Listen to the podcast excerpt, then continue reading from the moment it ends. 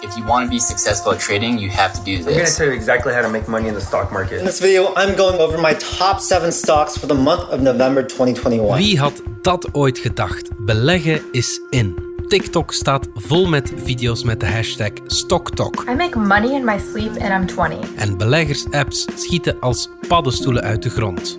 Book Zero. Robinhood. XTB.com. Hard bacon, eToro. Beleggen is nog nooit zo toegankelijk geweest. Heel wat jonge mensen wagen nu ook hun kans. Maar is dat wel een goed idee? Welke valkuilen liggen er op de loer? En heeft de toevloed aan jongeren een impact op de beurs? Ik ben Alexander Lippenveld en dit is vandaag de dagelijkse podcast van de Standaard.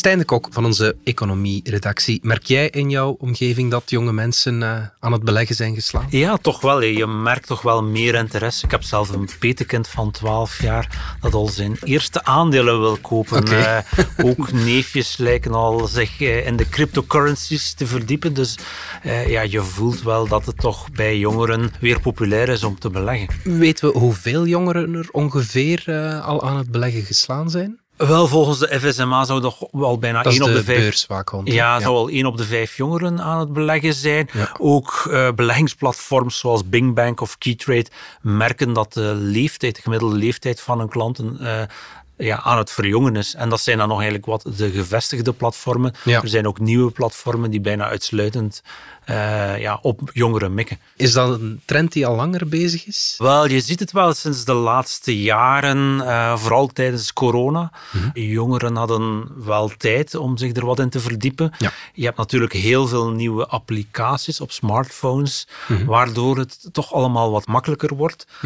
En je hebt natuurlijk ook een aantal aandelen die fel gehyped zijn bij jongeren, die het bijzonder goed gedaan hebben. Mhm. Dus je hebt dan als zo'n jongere of iemand uit de omgeving zo'n aandeel gekocht heeft en daar in een paar weken tijd ja, eh, zijn waarde heeft zien verdubbelen, dat trekt natuurlijk enorm aan Ja, als bij iedereen andere dat jongeren. aan elkaar gaat, eh, gaat vertellen, ja, dan... En zeker met sociale media wordt het dan ook nog eens hard gedeeld. En wat is het verschil met vroeger? Wel, ik denk heel bepaald is dat de rente heel laag staat. Hè. Toen ik tiener was, in de jaren 90 eh, of Ja. 20 al, Ja. ehm, ja, toen kon je spaargeld nog eh, op een spaarboek zetten en dat bracht op. Of nog meer, het geld van mijn plechtige communie of het teeltje dat niet naar de fiets ging, dat werd in een kasbon gestopt. En Ja. ja, daar, daar had je na drie, vier jaar toch een mooie rente Ja. voor.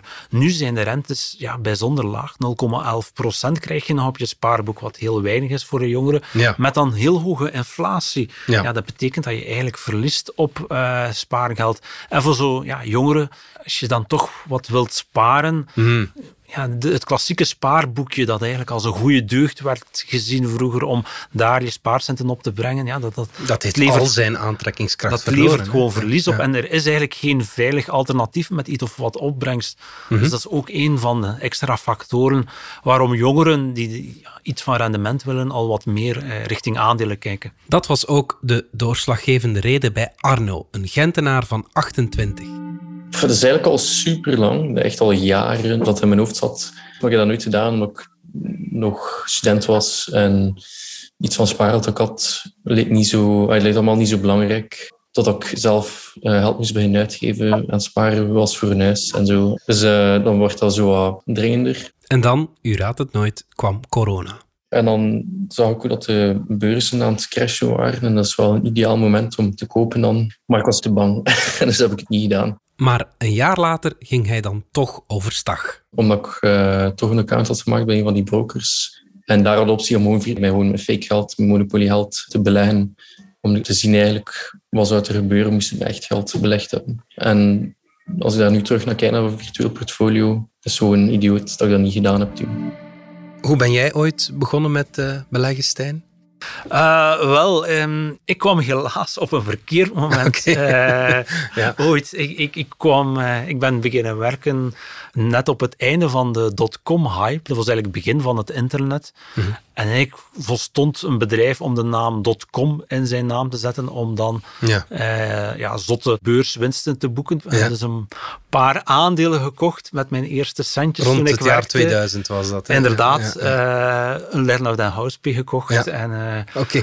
en Begonnen met een klein trauma. Dan, dan- inderdaad, en waardoor dat ik altijd toch een beetje voorzichtig gebleven ben in mijn beleggingen. Ja, oké. En ik denk dat eigenlijk wel dat het nogal bepalend is van als je begint en, je hebt in, in het begin heel veel mooie winsten geboekt, of je, je bent beginnen beleggen op een moment vlak voor een crash, Mhm. dat dat toch wel eh, een grote impact heeft hoe je later wat tegenover beleggingen staat. Ja, de verhalen die je vandaag hoort zijn wel verbluffend. Zeker op TikTok zie je de zotste video's van mensen die op heel korte tijd een heel grote winst maken. Everybody, so I want to make this quick video to show you guys how I made over $800 in just two days. $1,454 in just three weeks. $550,000 doing absolutely nothing. Stijn, misschien is dat niet wat je moet verwachten als je erin stapt. Hè? Dat denk ik ook. Dat is wel wat het risico waar we nu in zitten met die gamification. Hè. Dat is zo typisch die prikkel waarom ja, mensen wat verslaafd raken aan computerspelletjes. Je krijgt, als je wint, heb je positieve prikkel in je hersens en, en dan doe je op, eh, ga je er opnieuw in starten. Maar denk, die verhalen van die enorme winsten, dat is quasi gokken hè, op korte termijn.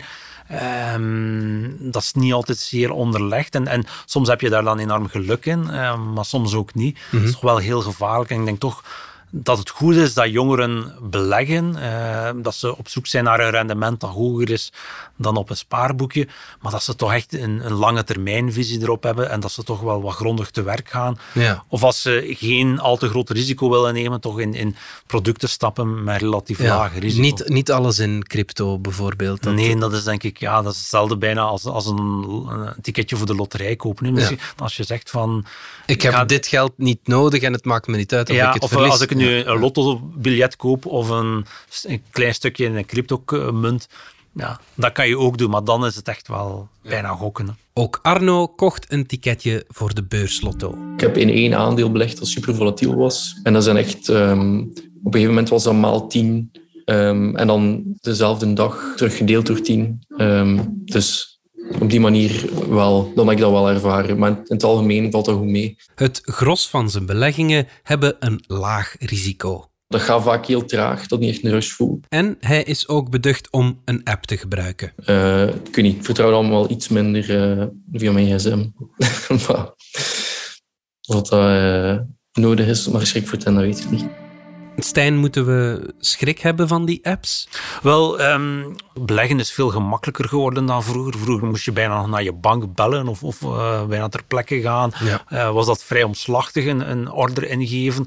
Dan had je die ja, wat saaie PC-banking, programma's van banken, wat ook misschien niet zo leuk was om te beleggen. En nu heb je heel leuke flashy apps op je smartphone, Ja. waarmee je heel gemakkelijk kan beleggen. Het wordt een beetje zoals een computerspel. Zo gemakkelijk wordt het. Ja.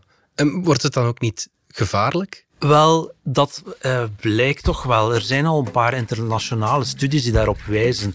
Ehm, zo heb je bijvoorbeeld een Duitse studie die, die keek van, ja, naar dezelfde beleggers. En dat waren dan nog Duitsers die toch al wat conservatievere beleggers zijn. Ja. En ze verleken in welke omstandigheden wat soort aandelen ze kopen. En dat bleek dat als dus iemand overdag aan zijn pc zit, veel conservatiever, eh, minder risicovol belegt dan als hij s'avonds in zijn zetel op zijn app, eh, is, eh, op zijn gemak zit Ja. en dan wat gaat beleggen. Dan Ja. wordt het bijna een beetje van een computerspelletje.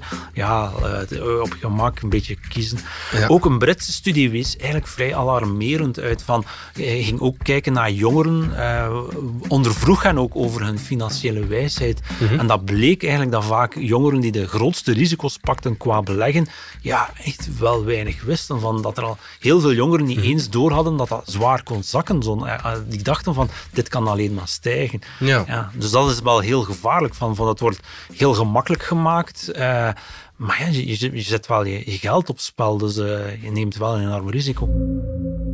Waar halen jongeren hun beleggingsinfo vooral? Ik veronderstel online, maar is dat altijd even betrouwbaar? Dat is natuurlijk ook weer een probleem. Hè? Je hebt heel veel sociale media waar ze misschien elkaar een beetje opmaken. En dat jongeren toch heel vaak in, in heel sterk gehypte aandelen eh, beleggen of gehypte cryptocurrencies, waar er eigenlijk weinig uh, of dat het heel moeilijk is om een juiste waardering op te zetten. Ja. Dus dan krijg je een beetje van een piramidespel. De waardering is eigenlijk wat de volgende koper er wilt voor geven. Ja, Uh, en dat is zeker bij die cryptocurrencies. Dat is heel moeilijk te bepalen van ja, bitcoin is dat nu te duur of niet.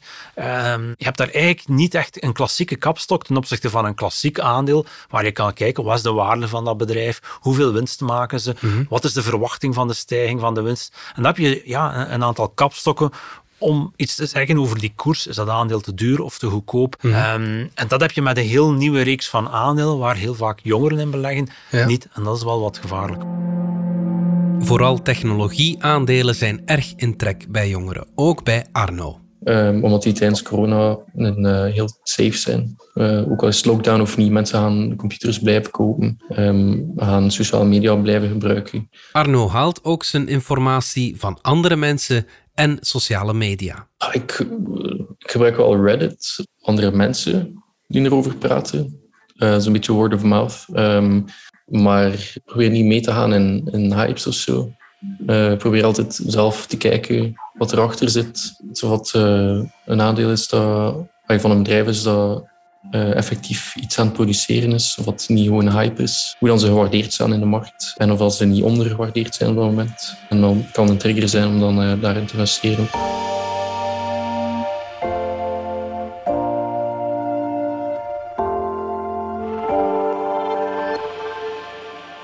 Stijn, hoe kijken beleggers naar deze hype? Ik denk dat ze daar heel dubbel naar kijken. Er is ook wel een, een, ook een soort tip in de professionele beleggerswereld van als uw taxichauffeur uw aandelen tips begint te geven, dan moet je verkopen. Ja. Want dat betekent dat we eigenlijk op uh, ja, het hoogtepunt van de piek zitten. Ja. En eigenlijk komt het er altijd op neer als een goede professioneel belegger om aandelen te verkopen net voor de piek van de beurs. Ja, ja. Um, dus dat is altijd wel het gevaar met deze hype dat we nu inzetten, dat er toch wel spelers zijn die dit aan het bekijken zijn en die zeggen van oké, okay, dit, dit aandeel of, of, of, deze currency is zeer uh, sterk gestegen, mm-hmm. dus ik ga er als eerste uit. Ja. En dan stort het misschien in. En, en ja, is de verliezen, zijn de verliezen voor de kleine belegger en de winsten voor de professionele belegger. In het verleden hebben we dat toch al regelmatig gezien dat dat uh, kan gebeuren. Dus uh, daar moet je mee oppassen. Anderzijds zie je ook wel dat professionele beleggers dat ook wel een pak serieuzer aan het nemen zijn. Dat ze ook echt wel mensen soms al in dienst nemen om die sociale media in de gaten te houden. Mm. Dat ze die platformen kijken, ja, omdat ze ook wel beseffen als zo'n aandeel of zo'n currency heel hard stijgt ja. en groot in waarde blijft, ja, dan moeten ze toch ook in meestappen. Ze krijgen het ook al de vraag vanuit de klanten. Ze hebben ook steeds meer jongere klanten ook. Hè. Die willen dat er misschien een stukje cryptocurrency in de portefeuille zit. Mm-hmm. Die ook willen dat er wat technologie in zit. Dus ze, ze, er is wel echt een impact op de beurs. Er is zeker een impact op de beurs. Ja. ja. Een modeljongere is vandaag ook een klimaatjongere. Zie je dat ook in, in hun beleggingsstrategieën? Duurzaamheid, vinden ze dat belangrijk? Dat is toch wel ook een opvallende trend. Mm-hmm. Uh, je ziet dus de populariteit van duurzame beleggingsfondsen enorm toenemen. Mm-hmm. En wordt ook wel gezegd dat het door, komt door de jongeren, die daar toch veel vraag naar hebben. Die ja. willen dat een spaargeld of een belegging ook op een duurzame manier belegd wordt. Mm-hmm. Uh, en dat gaat zelf verder, zeker bijvoorbeeld bij familiefortuinen. Uh, zijn, is het dan de jonge generatie die er ook op aandringt dat het fortuin of, of de, het familiaal patrimonium toch duurzamer belegd wordt, om, omdat toch heel wat jongeren, niet allemaal, maar, maar toch een, een, belangrijk deel daar toch waarde aan hecht. En zeker ook, denk ik, degene die uh, misschien jongeren die dan eerder voor fondsen kiezen, mm-hmm. uh, zijn iets meer risicoavers. En ik denk ook dat dat net de groep is die het dan nog belangrijker vindt dat uh, het fonds ook duurzaam belegt. Ja, ja, beleggingsapps maken nu reclame om nog meer jongeren aan het beleggen te krijgen. What's a Gucci boo-boo? You're a Gucci boo-boo. You think trading crypto is hard? How hard is it to open eToro? You don't need to become an investor. You were born one. Is dat wel een goed idee eigenlijk? Iedereen aan het beleggen krijgen? Op zich is ja, beleggen en aandelen beleggen blijkt ook uit grotere studies, mm-hmm. geeft een, op lange termijn een groter rendement dan op een spaarboek. Mm-hmm. Om, als je gediversifieerd belegt in bedrijven, is de gemiddelde groei van zo'n bedrijf en de winst groter dan de gemiddelde groei van een economie. Met deze hoge inflatiecijfers van ja, tegen de 5% verlies je gigantisch op spaargeld. Mhm. Er is ontzettend veel geld dat eigenlijk naar aandelen wilt, maar er zijn eigenlijk ook niet genoeg nieuwe aandelen. Dus Ah, ja. aandelen worden eigenlijk relatief heel duur. Ja, dat is wel een bijkomend probleem natuurlijk. Wat zijn jouw tips, Stijn, voor jonge mensen die toch op de kar willen springen? Ik denk vooral uw risico heel goed spreiden. Ja. Dus gediversifieerd beleggen, eh, wat conservatieve aandelen, wat agressieve aandelen met een mooi dividendrendement afwisselen, misschien met aandelen met een hoog groeipotentieel. Mhm. Als je risico wilt nemen, doe dat toch eh, misschien met een beperkt deel van de portefeuille. Mhm. En dat is net het stukje dat je zeker kan missen als het zou mislopen. Dus dan, eh, dan kan je, als het dan goed loopt, heb je een mooie winst. Mhm. Als het dan fout loopt, is het dan ook geen drama. Mhm.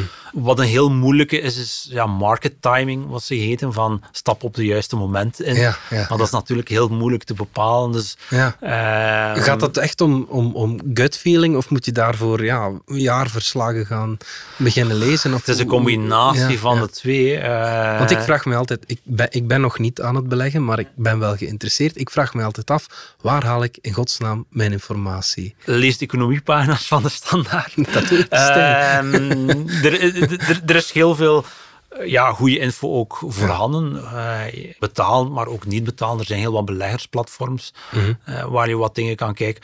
Maar zeker als je dan bijvoorbeeld zo'n eh index tracker koopt, dan moet je zich ook niet al te hard informeren, Mhm. omdat die eigenlijk een, een index volgt op een goedkope manier. Mhm. Dus het is minder kosten dan een klassiek beursfonds. Mhm.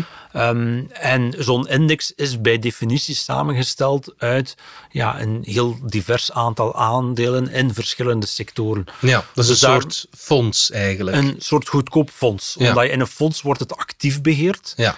Eh, en dan moet je ook die analisten, die fondsbeheerder betalen.